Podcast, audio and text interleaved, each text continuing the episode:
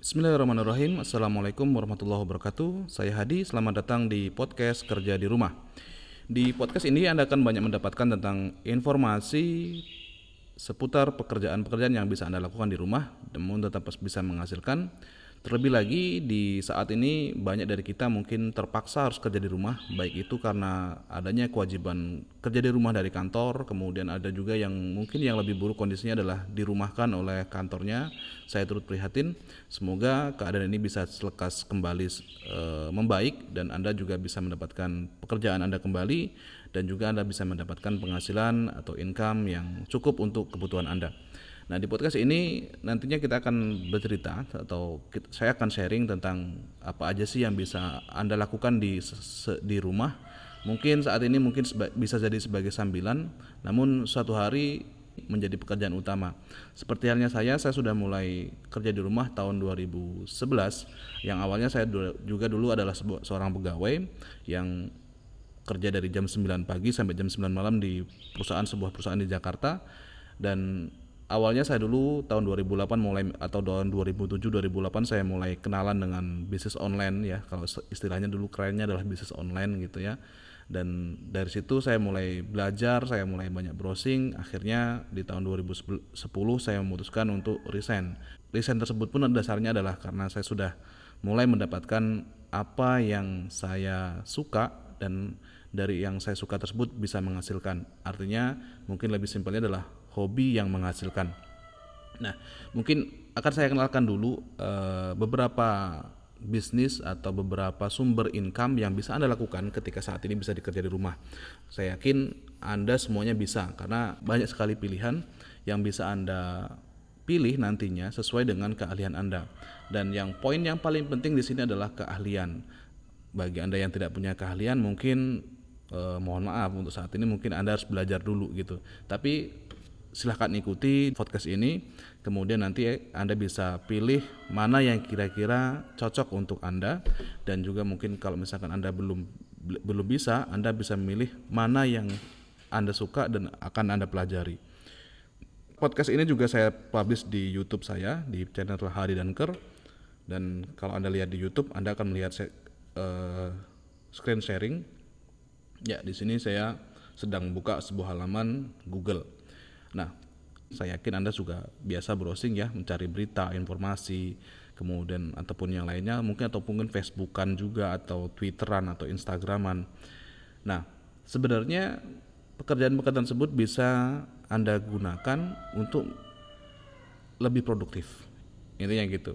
Yang biasanya Anda mungkin sekedar browsing aja, nantinya dengan kuota yang Anda miliki, Anda bisa menghasilkan dan juga mungkin bisa lebih dari itu. Ya bukan hanya sekedar menghasilkan sebagai penghasilan sampingan namun sebagai penghasilan utama.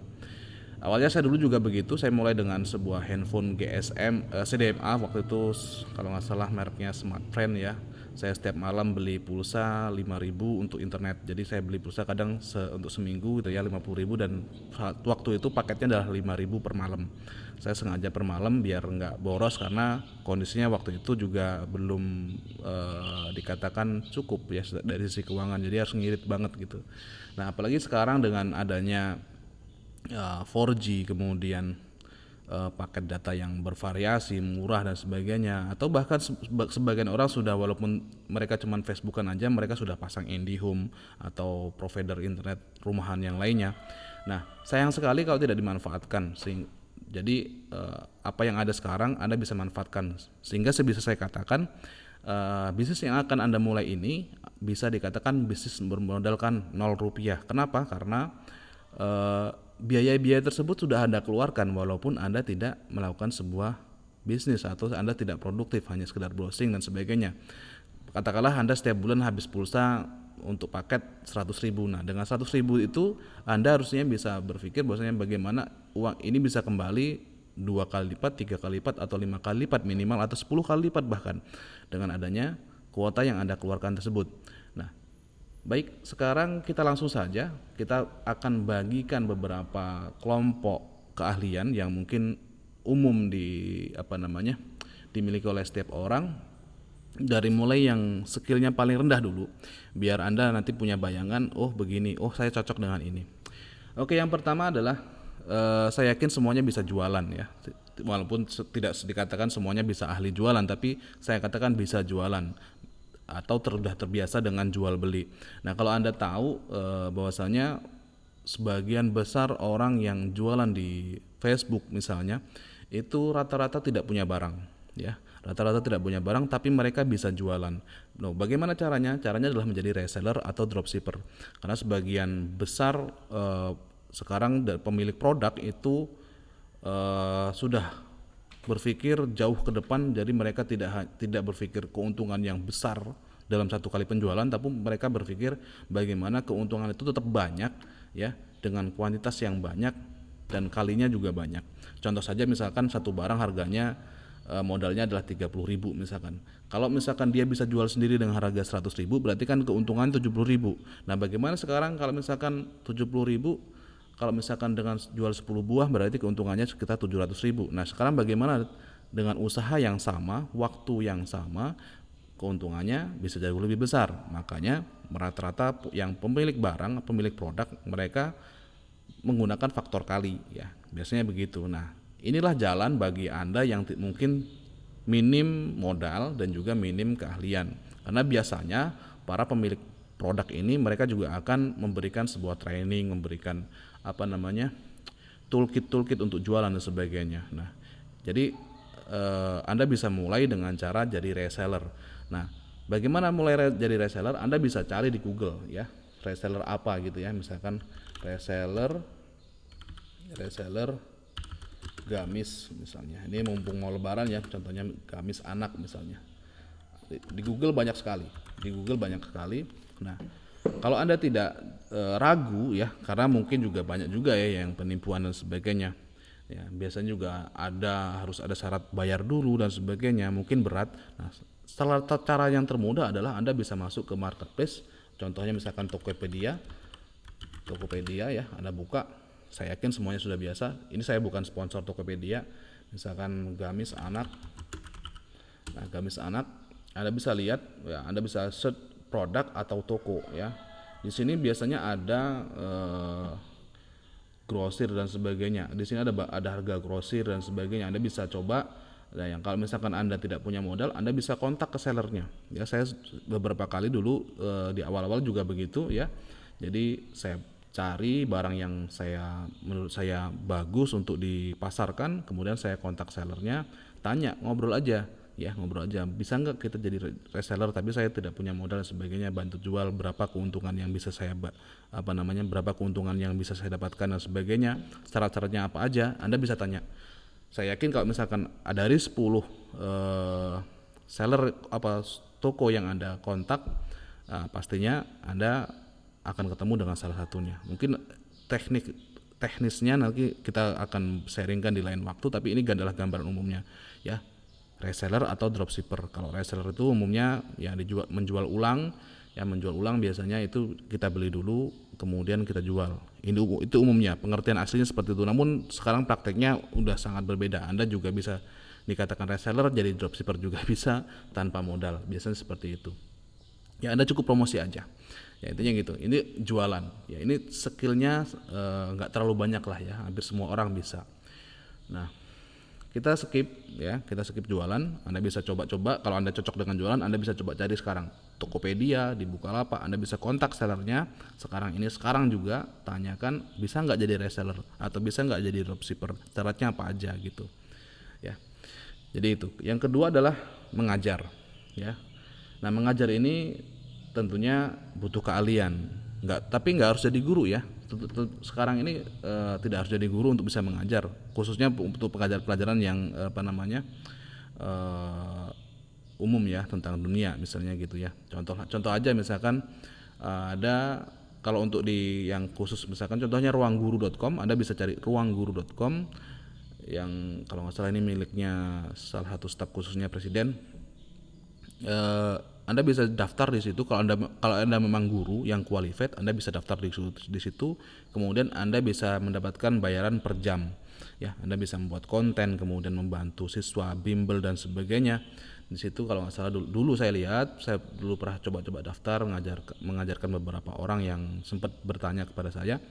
Saya ajarkan masuk ke ruang guru coba daftar dan ada alhamdulillah ada beberapa yang sampai saat ini masih menghasilkan dari sana atau juga misalkan anda punya keahlian-keahlian yang di luar dari uh, pendidikan anda juga masih bisa mengajar. Contohnya anda bisa masuk di udemy.com ya.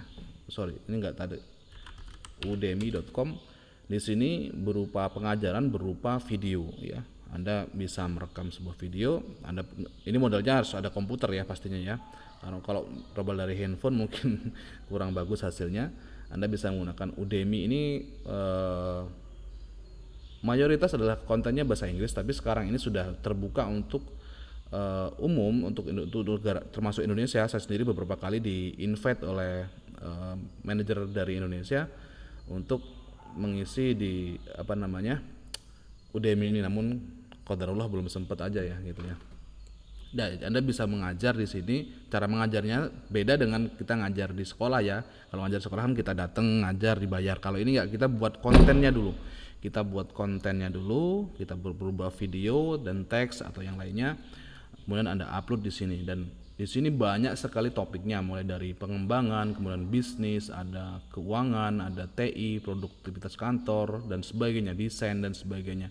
Ini kalau Anda tertarik, Anda bisa membuat sebuah konten pendidikan ya berbasis video sharing ya ini di sini di di Udemy atau juga misalkan Anda punya dua keahlian mengajar dan menjual Anda bisa menjual pelatihan Anda sendiri. Anda bisa menulis sebuah e-book tentang bisnis misalnya atau tentang manajemen keuangan misalnya juga atau ya ya paling simpel contoh kecil adalah yang mungkin Anda atau salah satu dari Anda pernah mencoba itu eh, panduan tes CPNS contohnya CPNS ini ya. Banyak sekali banyak sekali. Atau yang dulu tahun-tahun berapa itu di tahun 2010-an yang terkenal adalah uh, e-book apa namanya agar bisa hamil. Ini targetnya adalah ibu-ibu atau pasangan-pasangan muda atau pasangan-pasangan yang susah mendapatkan keturunan ya. Itu ada panduannya. Itu biasanya harus ada keahlian khusus ya. Misalkan dokter atau terapis dan sebagainya. Jadi anda bisa juga seperti itu. Menulis buku atau e-book ya jadi anda tidak perlu harus uh, kerjasama dengan publisher dan sebagainya nggak perlu. Anda cukup menulis aja dijadikan kemudian di, di convert jadi PDF jual gitu ya. Itu bisa ya. Ini kalau anda punya kemampuan mengajar. Dan banyak lagi ya. Banyak lagi yang lainnya. Misalkan anda Ah, banyak ada Zivizu dan dan sebagainya. Ada juga misalkan forum-forum seperti Kaskus uh, ada ads.id dan sebagainya. Anda bisa mengajar di sana artinya mengajar di sini luas ya tidak hanya sekedar kita duduk murid ada di depan kita ngajar. Itu yang konvensional tapi pengertian mengajar di sini lebih luas lagi. Kita membuat konten sebuah konten pendidikan baik itu pendidikan yang umum sifatnya umum dan juga pendidikan yang sifatnya uh, technical ya. Misalkan anda punya keahlian jaringan misalkan anda bisa ya. Anda punya keahlian menggambar anda bisa membuat sebuah uh, panduan yang bisa anda jual oke selanjutnya yang paling gampang yaitu adalah fotografi ya. Uh, kita lihat sering lihat uh, sebagian besar dari kita punya akun Instagram atau akun Facebook atau akun WhatsApp yang mungkin setiap hari kita update status foto-foto ya. Uh, bikin makanan foto kemudian lagi di sawah foto gitu ya atau selfie selfie dan sebagainya. Nah sekarang kita manfaatkan itu menjadi sumber uang. Nah banyak sekali tempat yang bisa digunakan untuk uh, melakukan itu. Dan sebelumnya apa yang saya sampaikan ini Anda bisa cari panduannya yang lebih lengkap di YouTube ataupun di uh, lewat via via Google ya. Itu banyak sekali banyak sekali. Contohnya misalkan cara jadi reseller cara jadi uh, cara membuat e-book misalnya atau cara membuat pelatihan online. Itu banyak sekali ya. Cara menjual foto misalnya banyak sekali nah di bagian fotografi ini misalkan anda punya keahlian atau sense dengan gambar dengan kamera baik itu kamera handphone ataupun kamera yang DSLR atau kamera-kamera canggih yang lainnya anda bisa menjualnya. Contohnya uh, anda bisa cari di sini foto stok ya foto stok foto biasa STOCK ya foto stok di sini ada banyak sekali. Ada Shutterstock ada deposit foto ada stok Adobe ada Pexel dan sebagainya ada uh, banyak sekali. Ada mungkin mungkin free pick dan sebagainya. Anda bisa jual di sini ya. Uh, mungkin dari waktu kita akan bahas ini ya. Gampangnya adalah di sini Anda bisa jual. Cari aja di sini kalau misalkan contoh kasus Shutterstock Anda cari di sini di bawah itu publisher kalau nggak salah. Ya publisher. Biasanya publisher atau partner ya Anda bisa join di situ kemudian Anda tinggal upload foto-foto Anda. Nah idenya contohnya misalkan kalau Anda lihat uh, di YouTube uh, podcast ini Anda bisa lihat di sini uh, saya mencari sebuah objek tools atau tools ya gitu ya. Uh, ya seperti ini. Gambarnya itu ya berupa kadang cuman apa namanya baut kunci atau mungkin kunci Inggris palu gergaji disusun dengan begitu yang unik gitu ya kemudian difoto. Nah ini kok bisa foto ini di, e, terjual? Bisa karena tidak semua orang punya apa namanya punya keahlian untuk fotografi misalnya. Ada juga di beberapa saya punya beberapa klien yang mereka sebenarnya bisa tapi e, karena waktu ya tentunya ya karena mungkin resortnya juga kurang ya alat-alatnya juga mungkin mereka harus beli dulu daripada mereka harus beli alatnya untuk difoto aja yang mendingan mereka beli fotonya yang udah jadi aja kan gitu kan jadi lebih murah jadi tetap bisa terjual nah, nah jadi anda bisa manfaatkan keahlian fotografi Anda untuk bisa menjadikan uang. Anda bisa coba search di uh, Google ya, Shutterstock ya atau Photostock. Anda bisa lihat kemudian lihat contoh objeknya misalkan uh, nature, alam mereka orang Anda misalkan biasa uh, jalan-jalan ya, jalan-jalan di alam gitu di gunung, laut sebagainya. Anda bisa juga foto-foto yang mungkin sudah lama ya bisa Anda posting di sini. Tentunya foto-foto tersebut tidak sembarangan ya. Untuk submit di sini juga ada kriteria tertentu, mulai dari fokus dan misalkan kejernihan gambar, ketabal, eh, ketajaman pixel dan sebagainya juga ada. Saya yakin kalau Anda sudah paham di fotografi atau sedikit punya keahlian di fotografi, Anda sudah paham itu. Nah, ini contoh dari fotografi. Nah, sedikit lebih naik kita akan bahas tentang kalau Anda punya keahlian misalkan desain. Uh, desain sini uh, berhubungan dengan grafis juga sih tapi lebih kepada anda create uh, gambar sendiri contoh misalkan anda pernah belajar tentang cara membuat logo misalnya dengan menggunakan Corel Draw atau Inkscape atau produk-produk uh, dari Adobe misalnya. Anda bisa cari di Google ya. Misalkan contohnya yang keren itu 99 Design ya. 99 Design saya punya kawan uh, Beliau adalah seorang dosen dan juga sangat aktif di 99 Design ini dan penghasilan cukup wow ya dari dari 99 Design ini. Jadi Anda ketika punya keahlian menggambar ya, Anda bisa jual di sini ya. Sistemnya di sini bukan jual tapi lebih kepada kompetisi. Jadi ada sebuah ada seor, e, misalkan saya punya apa namanya? Saya adalah e, bos gitu ya atau media yang butuhkan logo ini misalkan saya akan posting di situ kemudian saya pasang harganya misalkan seribu dolar misalkan rata-rata dolar ya kemudian seribu dolar misalnya nanti ada beberapa orang yang apply kemudian mendaftar kemudian mereka uh, harus mengikuti kriteria kriteria yang saya berikan misalnya. Nanti setelah saya cocok saya bisa pilih gambarnya yang mana yang cocok. Nah yang menang adalah yang akan mendapatkan uh, hadiah tersebut misalkan 1000 dolar tersebut gitu ya. Ini kalau sistemnya 99 desain ada lagi misalkan di freelancer ada Upwork gitu kan. Kalau di Indonesia ada 1000 lancer ya. Anda bisa cari 1000 lancer 1000 lancer ya. 1000 lancer di sini Anda bisa daftar.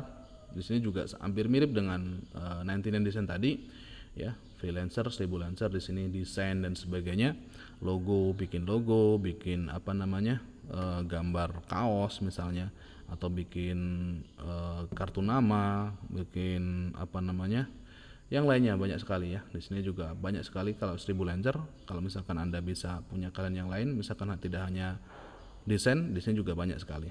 Ini untuk produk di Indonesia. Kalau mungkin anda tadi nanti desain itu harus punya kalian bahasa Inggris gitu ya kalau ini nggak perlu ya kalau seribu lancer ini cukup bisa bisa bahasa Indonesia aja ya Kemudian ada juga app Upwork, ada freelancer ya, sama ya. Kemudian ada project.co.id, kalau di Indonesia ada project.co.id.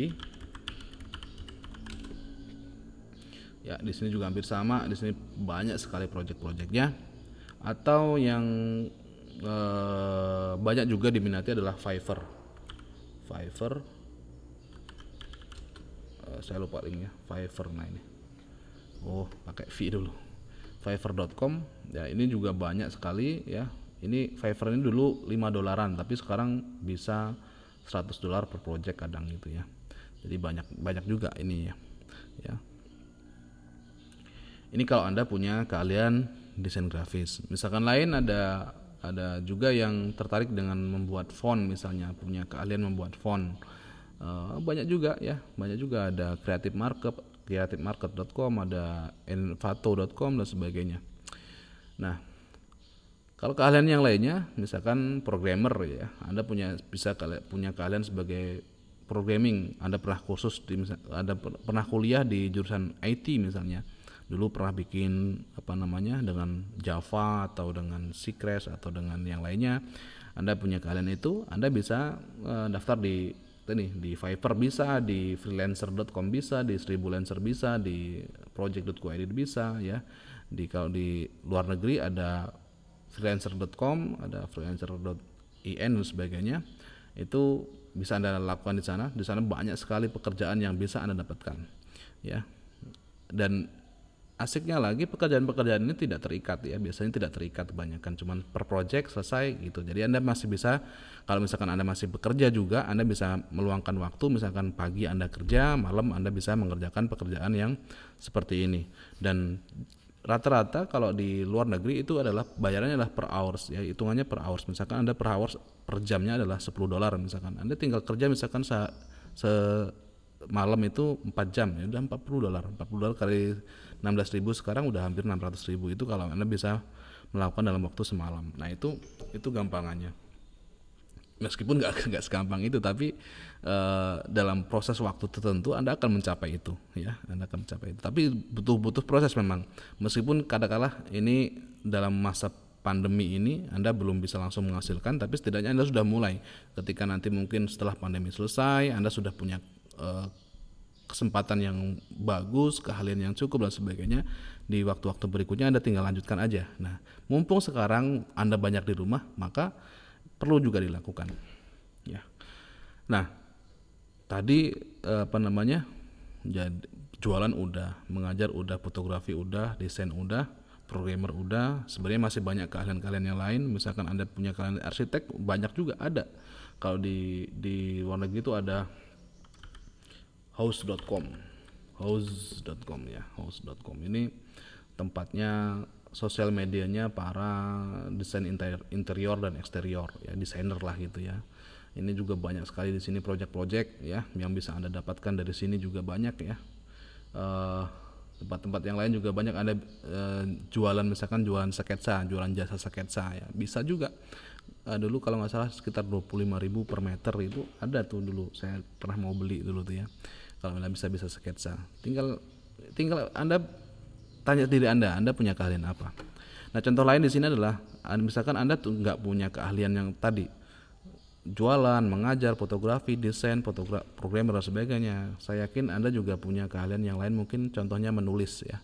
Uh, menulis bahasa Indonesia ya itu juga lumayan. Per artikel itu kadang dijual bisa satu artikel itu bisa anda dapatkan misalkan antara range-nya 15.000 sampai 500.000 per artikel. Nah, siapa yang beli? Yang beli biasanya konten-konten ini uh, satu blogger pastinya. Itu banyak banget blogger yang beli beli konten itu. Kedua, sekarang media atau mungkin contohnya brand. Contohnya misalkan Tokopedia. Jangan bayangkan konten di Tokopedia ini semuanya uh, sorry yang yang bukan yang ini ya, bukan yang toko ya. Contohnya misalkan blog. Contohnya mana blog? Nah, ini blog blog Tokopedia. Jangan bayangkan semua konten di sini adalah dari karyawannya Tokopedia. Memang sebagian besar iya, tapi ada juga beberapa yang di, yang ditulis oleh beberapa penulis konten yang dibayar secara lepas ya. Jadi uh, Tokopedia menyewa sebuah media apa namanya perusahaan content writer kemudian dibayar misalkan proyeknya sekian juta nanti akan dibagi kepada berapa penulisnya gitu ya contoh lain misalkan anda lihat di Lazada. Kalau Lazada ini sering sekali saya sering dapat cerita bahwa Lazada ini sering banget beli konten. Contohnya misalkan mereka eh, kalau anda lihat di mana ya? Sini. Di salah satu produk katalog misalnya di sini biasanya di bawahnya itu ada uh, artikel biasanya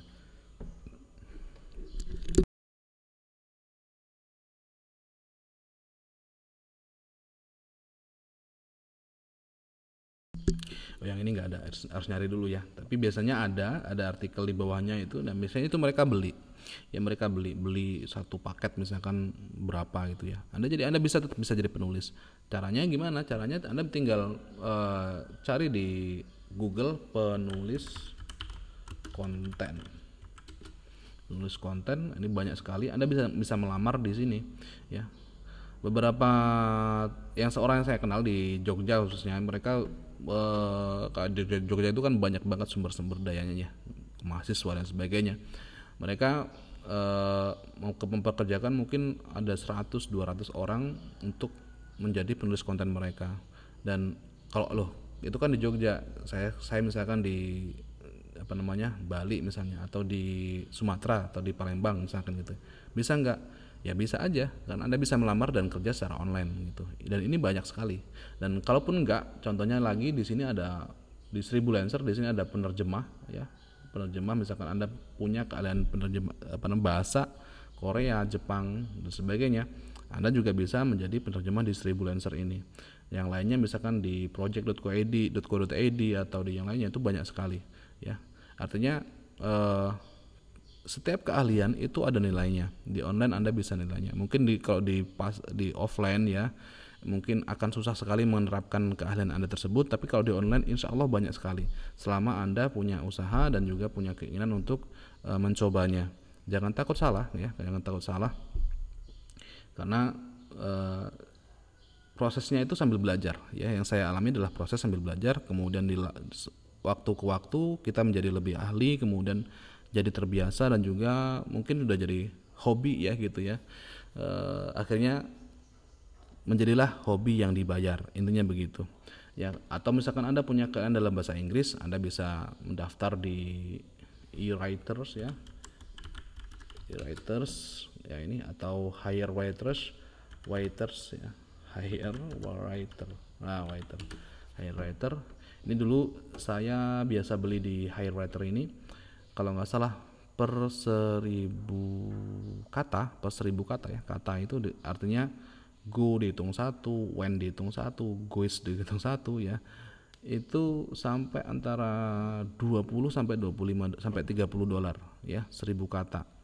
Art, nah apakah harus kita nulis fresh dari awal? Kita harus punya ide sendiri? Enggak kalau itu lebih mahal ya. Karena biasanya konten-konten seperti yang penulis-penulis seperti ini mereka cuman me, mengumpulkan beberapa sumber kemudian ditulis ulang sesuai dengan kemampuannya dengan pemahaman bahasanya dan menjadi sebuah artikel yang unik gitu ya yang baru gitu ya. Meskipun sumber tinggal sebutkan aja sumbernya dari sini dari sini dari sini. Misalkan anda bercerita tentang apa sih tentang corona misalnya virus corona. Anda tinggal kumpulkan dari beberapa sumber dari Wikipedia dari uh, eh, CNN dan sebagainya misalkan. Mulai dari sejarahnya sampai akhir sekarang pandemi seperti ini nah itu akan jadi artikel yang baru yang fresh yang bukan copy paste yang tentunya. Kalau copy paste itu akan uh, percuma sekali. Nah tentunya dari situlah anda punya nilai. Nah ini contoh ketika anda menjadi penulis Ya kira-kira itu aja. Ya kira-kira itu aja sebatas ini adalah sebatas intro tentang bagaimana pekerjaan-pekerjaan di rumah itu bisa anda lakukan.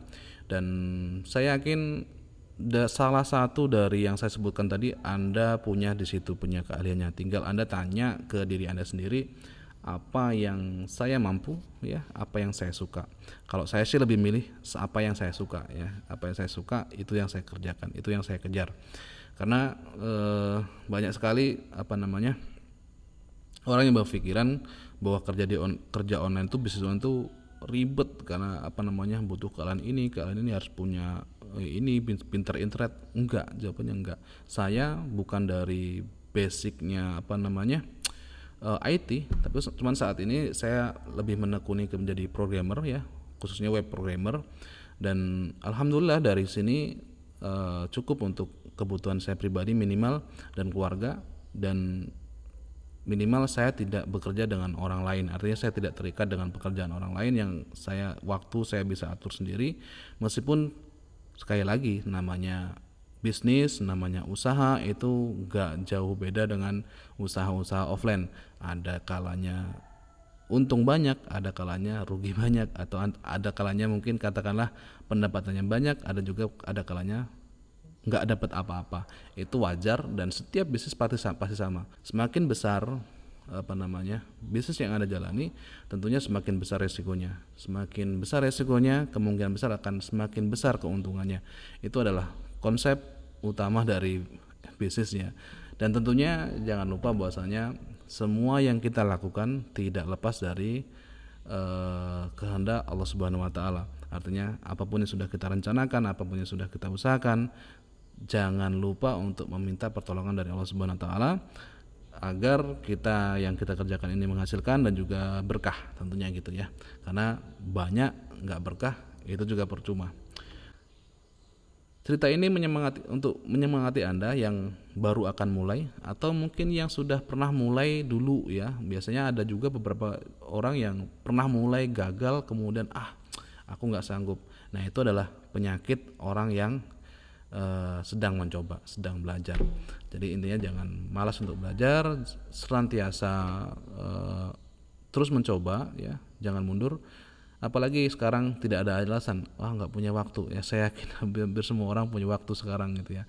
Apalagi uh, di, di zaman apa di masa-masa seperti ini ya kondisinya serba sulit ya kita maklum semoga ini segera segera berlaku, berlalu dan setelah kejadian ini minimal Anda punya bekal selama waktu banyak kosong ini Anda punya kesempatan untuk banyak belajar ya Anda punya apa namanya change ya ada punya pilihan ya kemudian di waktu yang akan datang Anda tinggal milih lanjut pekerjaan Anda yang masih bekerja misalkan atau resign gitu ya. Saya tidak menganjurkan Anda langsung resign enggak. Ya, tapi alangkah enaknya kalau misalkan Anda bisa juga untuk uh, resign juga gitu ya. tetap ya. Artinya tetap mungkin nggak nggak semuanya harus harus risetnya. Tapi minimal anda punya pendapatan sampingan lah gitu. Pendapatan pendapatan pendapat samping pendapatan sampingan. Pendapatan sampingan yang melebihi pendapatan utama anda. Ini itu kan enak ya. Ya jadi begitu. Jadi itu aja. Kita akan bahas di lain waktu. Mungkin satu persatu atau sebagian dari materi-materi yang ada sudah saya sampaikan tadi.